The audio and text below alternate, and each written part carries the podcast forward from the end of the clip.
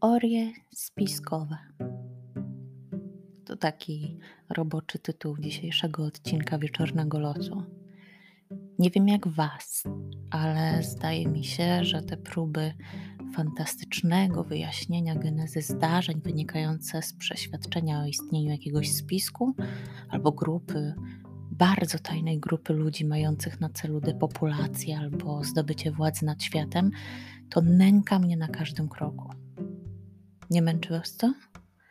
Bo mnie ostatnio bardzo. Dlatego postanowiłam uciec w kulturę. Ostatnio po raz kolejny oglądam filmy Stanleya Kubricka. Hmm, być może dlatego, że i on był posądzany o spisek. Przed Wami wieczorny lot. Podcast, w którym w poniedziałkowe wieczory zabieram Was do świata popkultury. Wieczornego lotu możecie słuchać na Spotify, a od niedawna również na platformie Tidal. Wszelkie komentarze, dzwoneczki i powiadomienia będą mile widziane. Nie zapominajcie o nich. Nazywam się Maja Hitro i zapraszam na pokład. Pewnie wiecie, dlaczego zaczęłam od teorii spiskowych. A przynajmniej mam nadzieję, że się domyślacie. W internecie szerzą się niebezpieczną falą, szczególnie ostatnio. I dopóki do niedawna jeszcze z rozbawieniem reagowaliśmy, a przynajmniej ja reagowałam na teorię o płaskiej Ziemi, z czasem mm, zaczęło być to niebezpieczne. Coraz bardziej niebezpieczne. I jak zauważyłam, połączone z brakiem wiary w koronawirusa, w demokrację, w świat, jaki dotąd działał, za co w przestrzeni internetowej odpowiedzialny jest ruch QAnon. Nie kojarzycie? QAnon albo Q ma być anonimową osobą albo grupą rzekomo mającą dostęp do tajnych dokumentów Stanów Zjednoczonych i do wszystkich strzeżonych tajemnic państwowych. Od 2017 roku w sieci pojawiają się informacje, w których QAnon ujawnia, jak Donald Trump wraz ze swoją administracją i siłami zbrojnymi Stanów Zjednoczonych walczy z ogólnoświatowym spiskiem i grupą przestępczą, czymkolwiek ona jest.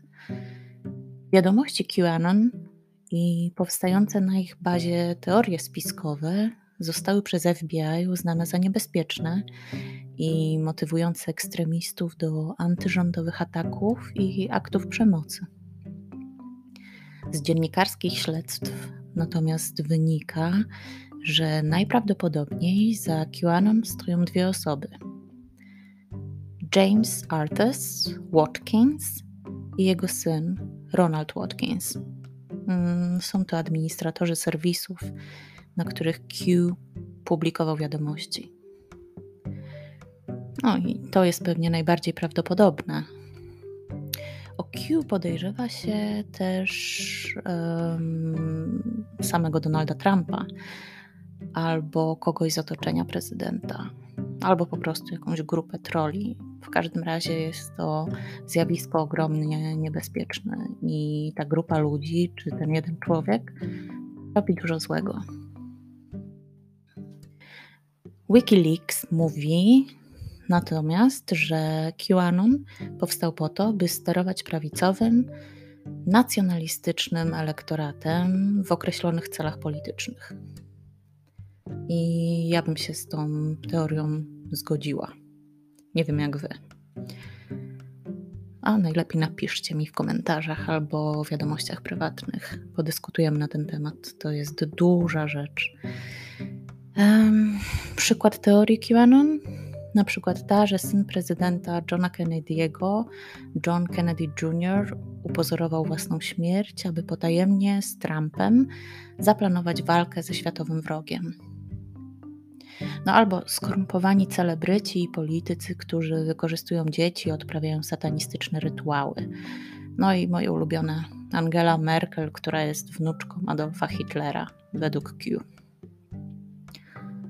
No i myślicie, że, że te wszystkie teorie kończą się na internecie? O nie, moi drodzy. atak na Kapitol to sprawka QAnon. Natomiast no, to była potworna rzecz, której rocznicę zresztą niedawno obchodziliśmy. Natomiast coś bardziej zabawnego, o ile w ogóle można w tych kategoriach rozpatrywać to, co robi QAnon. Na początku listopada 2021 roku, czyli kilka miesięcy temu, bardzo niedawno, w Dallas przy Delay Plaza o godzinie 12.30 czasu lokalnego, a więc w godzinie śmierci prezydenta Kennedy'ego, zgromadziły się tłumy. Setki osób czekały na nadejście, uwaga, nieżyjącego od 1999 roku Kennedy'ego Juniora. Kennedy Jr. miał się objawić, by ogłosić Trumpa królem królów, po czym sam miałby zostać wiceprezydentem. No, jak się domyślacie, żaden z Kennedych nie powrócił. Tłum rozszedł się po godzinie, ale poinformowały o tym wydarzeniu wszystkie serwisy informacyjne na całym świecie. No i cóż, zdawałoby się, i do niedawna przynajmniej się tak wydawało, że w dzisiejszym świecie nie ma miejsca na teorie spiskowe, że wręcz przeciwnie. Natomiast naukowcy wskazują na to, że wraz z szybszym postępem nasila się ilość teorii spiskowych ze względu na to, że ludzie przestają rozumieć, co się wokół nich dzieje. Potrzebują sobie ten świat jakoś wytłumaczyć. A najprościej wytłumaczyć to przez teorie spiskowe. Zresztą podobnie było w latach 60. Hmm. Powoli przenosimy się w czasie do, do czasów Kennedy'ego seniora, ale też jego następców. Wszystko to wiązało się z programem kosmicznym i podbojem kosmosu, będącego częścią wyścigu zimnej wojny między USA a ZSRR. Pierwszy człowiek na Księżycu stanął 20 lipca 1969 roku i był nim Neil Armstrong. Ach, cóż to była za euforia, jaki zachwyt. No ale po chwili nasunęły się pytania. Jak to? I to one dały początek teoriom spiskowym. Przez lata nazbierało się ich tyle, że jedna ze stron NASA została poświęcona ich obalaniu. Więc sobie wyobraźcie, jaka to ilość. W 50. rocznicę lądowania na Księżycu natomiast wciąż 6% Amerykanów wierzyło, że to bzdura. Pomyślcie sobie, ile to jest ludzi i pomnóżcie to przez inne kraje, kontynenty. Naprawdę nazbiera się takich niedowiarków. Zarzucano więc, że na zdjęciach z księżyca nie widać gwiazd, choć można, te, można ten zarzut łatwo obalić, bo czasy naświetlania używane przez astronautów nie pozwalają na zarejestrowanie światła gwiazd na kliszy. Zarzucano też, że na wielu zdjęciach cienie rzucane przez obiekty padają w różnych kierunkach, co sugeruje używanie wielu źródeł światła, a to przecież wynika z istnienia zjawiska perspektywy. Zarzucano też, że flaga łopocze jak na wietrze, a ta flaga łopocze faktycznie, ale poruszona przez astronautę. No i takich teorii jest o wiele więcej. Jedną z tych najgłośniejszych była ta, że całe lądowanie na Księżycu wymyślił i sfilmował Stanley Kubrick. Autor filmu 2001 Odyseja Kosmiczna, którego premiera odbyła się rok wcześniej, w 1968. I to do niego ostatnio wróciłam, żeby nie zwariować. I opowiem Wam, dlaczego. I Was do tego zachęcam. Adam Wiśniewski-Snerk w książce Robot pisał: Z jakiegokolwiek poziomu byśmy spoglądali, nigdy nie zobaczymy dookoła więcej niż znajduje się w nas samych. Ta książka Robot wydana została dokładnie 5 lat po premierze 2001 Odysei Kosmicznej. I szczerze, trudno mi znaleźć trafniejszy cytat, który tak dobrze wprowadzałby widza w głąb tego obrazu człowieka szkicowanego z przeszłości, teraźniejszości i przyszłości przez całe 2 godziny i 44 minuty. Tyle trwa, moi drodzy, Odyseja.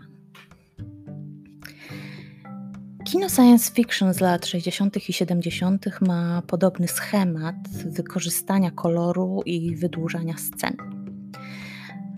Ja, zanim zobaczyłam Odyseję, raczyłam się kultowym, choć o wiele mniej znanym światem na drucie w reżyserii Rainera Wernera Fassbindera.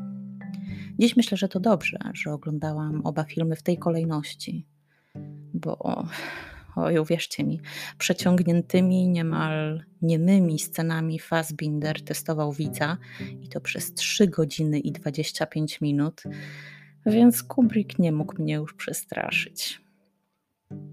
Rozwleczona do granic możliwości narracja przestała się dla mnie dłużyć i, i, na szczęście. Także jeżeli jeszcze nie widzieliście Odysei, polecam Wam tę kolejność. Świat na drucie, a potem Kubrick. Ach, ale wracając do sedna sprawy, mm, uświadomiłam sobie, że u Kubricka czas w ogóle nie istnieje. Istnieją za to strach i zachwyt, czyli to, co dominuje z przewagą strachu w dzisiejszym naszym świecie. Ale u Kubricka jest coś jeszcze, tak zwane wysokie ambicje w każdej warstwie muzycznej, wizualnej, aktorskiej. Przy czym w wypadku tej ostatniej są ściśle związane z metodyką pracy reżysera. Na planie czerpał radość, a przede wszystkim inspirację ze skłócania aktorów. To była obrzydliwa rzecz, jeżeli chodzi o Kubricka. Niemal każdego dnia mm, doprowadzał do wybuchu emocji, często agresywnych i niekontrolowanych. I to czuć. Wystarczy zwrócić uwagę na obecne we wszystkich filmach Kubricka sceny okrucieństwa i precyzję ich choreografii z wydłużającą się niewygodą, którą odczuwają pewnie odczuwali przynajmniej nie tylko aktorzy, albo odczuwają nadal oglądając to, no ale też widzowie, przede wszystkim widzowie. Ale pomówmy o Odysei Kosmicznej. 2001 Odyseja Kosmiczna to filozoficzna opowieść złożona z trzech aktów. W roku premiery Kubrick, pytany o swoją produkcję, tak bardzo trudną do zanalizowania, odpowiadał, i tutaj go zacytuję: Macie prawo spekulować o filozoficznym i alegorycznym sensie filmu dlatego nie chcę podawać mapy dla 2001, według której każdy widz będzie czuł się zobligowany podążać, żeby niczego nie przegapić. Twórca miał czas, żeby się nad Odyseją poważnie zastanowić. I to również widać w tym filmie. I myślę, że sam zbudował sobie taką mapę, bo dla takiego arcydzieła podróż bez mapy mogłaby się skończyć fatalnie. W tym wypadku jest to, jest to po prostu geniusz, więc no niestety, mapy nie dostaliśmy, ale może to i dobrze. Do tego w sumie też dojdę w podsumowaniu, które już mam w głowie. Um, Kubrick, gdy pracował nad Odyseją, kończył właśnie 40 lat. A doktorem Strangelove Lolitą albo Spartakusem, dał się już poznać jako reżyser wymagający wobec widzów i wobec siebie. Jednak dopiero Odyseją wystrzelił no, nas wszystkich w kosmos, w którym maszyny wirują w rytm walca Straussa nad pięknym, modrym Dunajem. No i żadna to wzniosła moja metafora. Scenie mm, dokowania stacji obracającej się wokół własnej osi, słynna klasyczna kompozycja towarzyszy dlatego, że moment ten skojarzył się Kubrickowi z tancerkami krążącymi po sali balowej. Wyobrażacie sobie takie skojarzenia? W ogóle muzyka ma w Odysei kluczowe znaczenie. Tworzy wszystkie nastroje, a w trakcie oszczędnych dialogów wymownie głuchnie. I to jest bardzo ważne, zadziwiające i robiące wrażenie. Było to też innowacyjne podejście do muzyki poważnej, która wpływa na odbiór powieści, właściwie opowieści. Ale wyobraźcie sobie, że przez pierwszy miesiąc od premiery filmu, którego promowano jako rozrywkę dla całej rodziny, nie wiem dlaczego, nie pytajcie, widzowie dopisywali powiedzmy umiarkowanie. Na szczęście rok 68 był czasem rock'n'rolla i ruchów hipisowskich, z czym wiązała się skłonność do koloryzowania rzeczywistości używkami, marihuaną lub LSD. Jak się okazało, właśnie ta niespodziewana publiczność, odpowiednio zawczasu odłużona, zaczęła szturmować sale kinowe ku zdumieniu wytwórni i samego Kubricka który w wywiadzie udzielonym magazynowi Rolling Stone wyjaśniał, że ten film przecież e, nigdy nie miał być symbolem tripu po LSD. No ale co z tego? David Bowie wspominał, że przed seansami częstował się marihuaną, zainspirowany obrazem. Um, 2001 Odyseją Kosmiczną, rok później wydał jeden z najważniejszych swoich albumów Space Oddity ale to nie jedyny muzyk, którego Kubrick zainspirował. John Lennon przyznał, że przez pewien czas nie było tygodnia, żeby nie oglądał Odysei. Podobnie wspominała ją zresztą Małgorzata Braunek, która zetknęła się z filmem po raz pierwszy na festiwalu w Rio. W wywiadzie rzece Jabłoń w ogrodzie, może jest blisko, przyznała, że Roman Polański powiedział jej, że bez trawy nie powinno się tego filmu w ogóle oglądać. A przecież on wiedział, jak należy oglądać filmy. Skąd pomysł, żeby Odyseję oglądać na haju? Myślę, że wiem.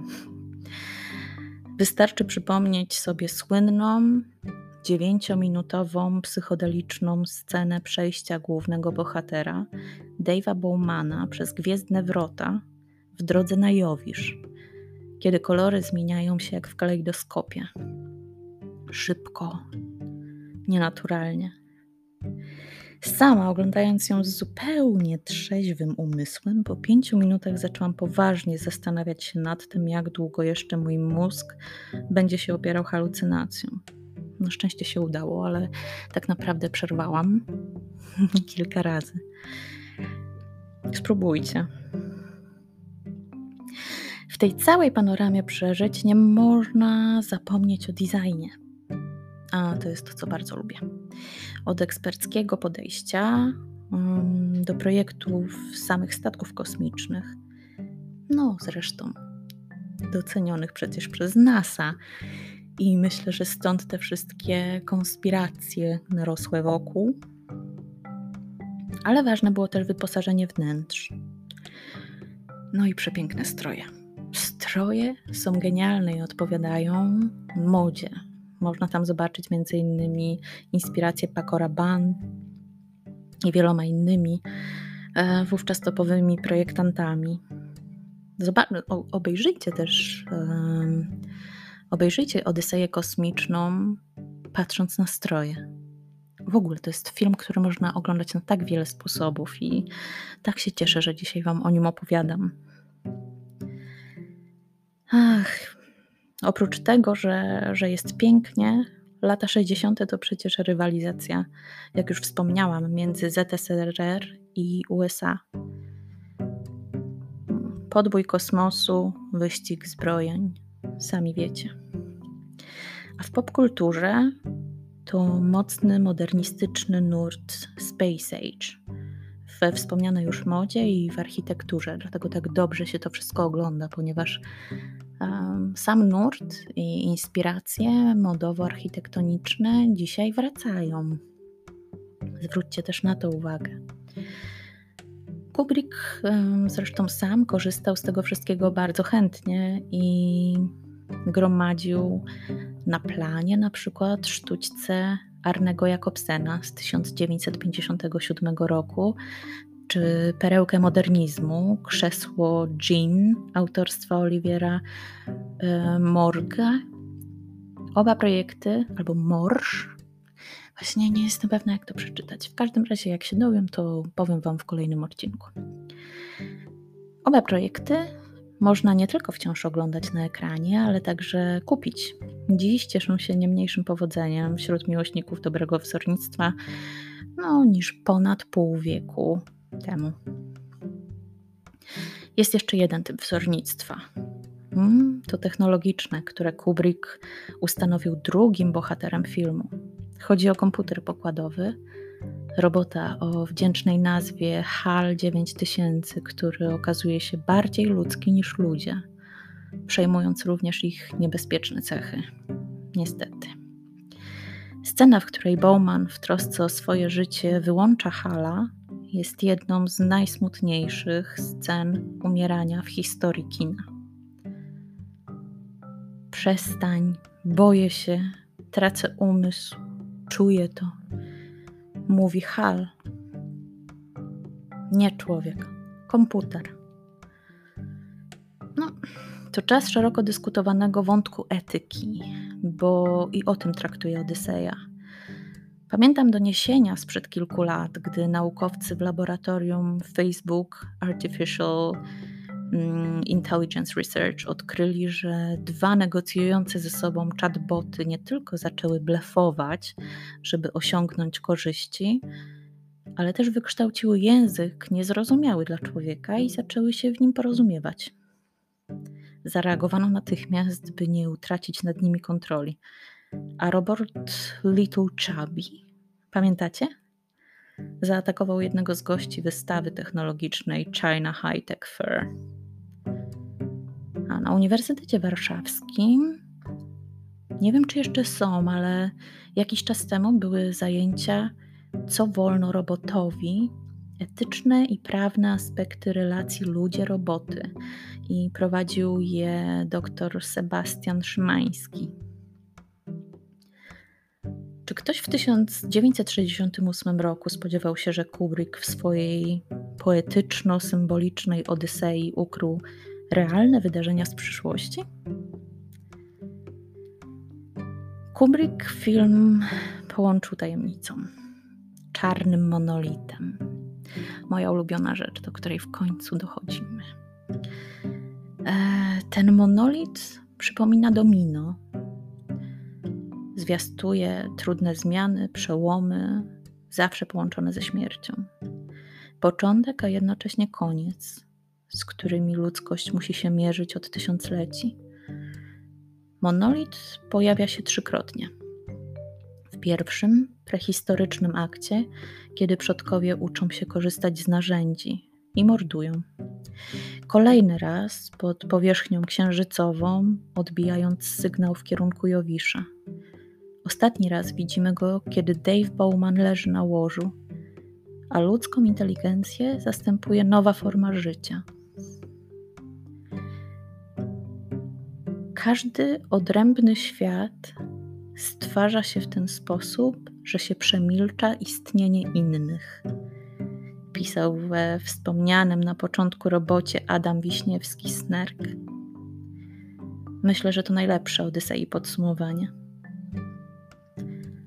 Każdy zamknąć tę historię powinien jednak po swojemu. 2001 Odyseja Kosmiczna to otwarte drzwi do próby dotknięcia tajemnicy uniwersum i istnienia.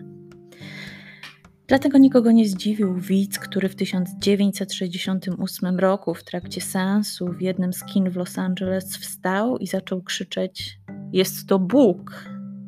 To Bóg! I tak, Jak powinniśmy zamykać historię po swojemu, myślmy samodzielnie, wystrzegajmy się wszelkich teorii spiskowych. Nie są nauką, nigdy nią nie będą. Taki oto morał z dzisiejszej historii. Ach, i oglądajcie Kubricka. Jego filmy nigdy się nie zestarzeją, nawet jeśli pewnego dnia będzie je można oglądać na Księżycu. Dobrej nocy.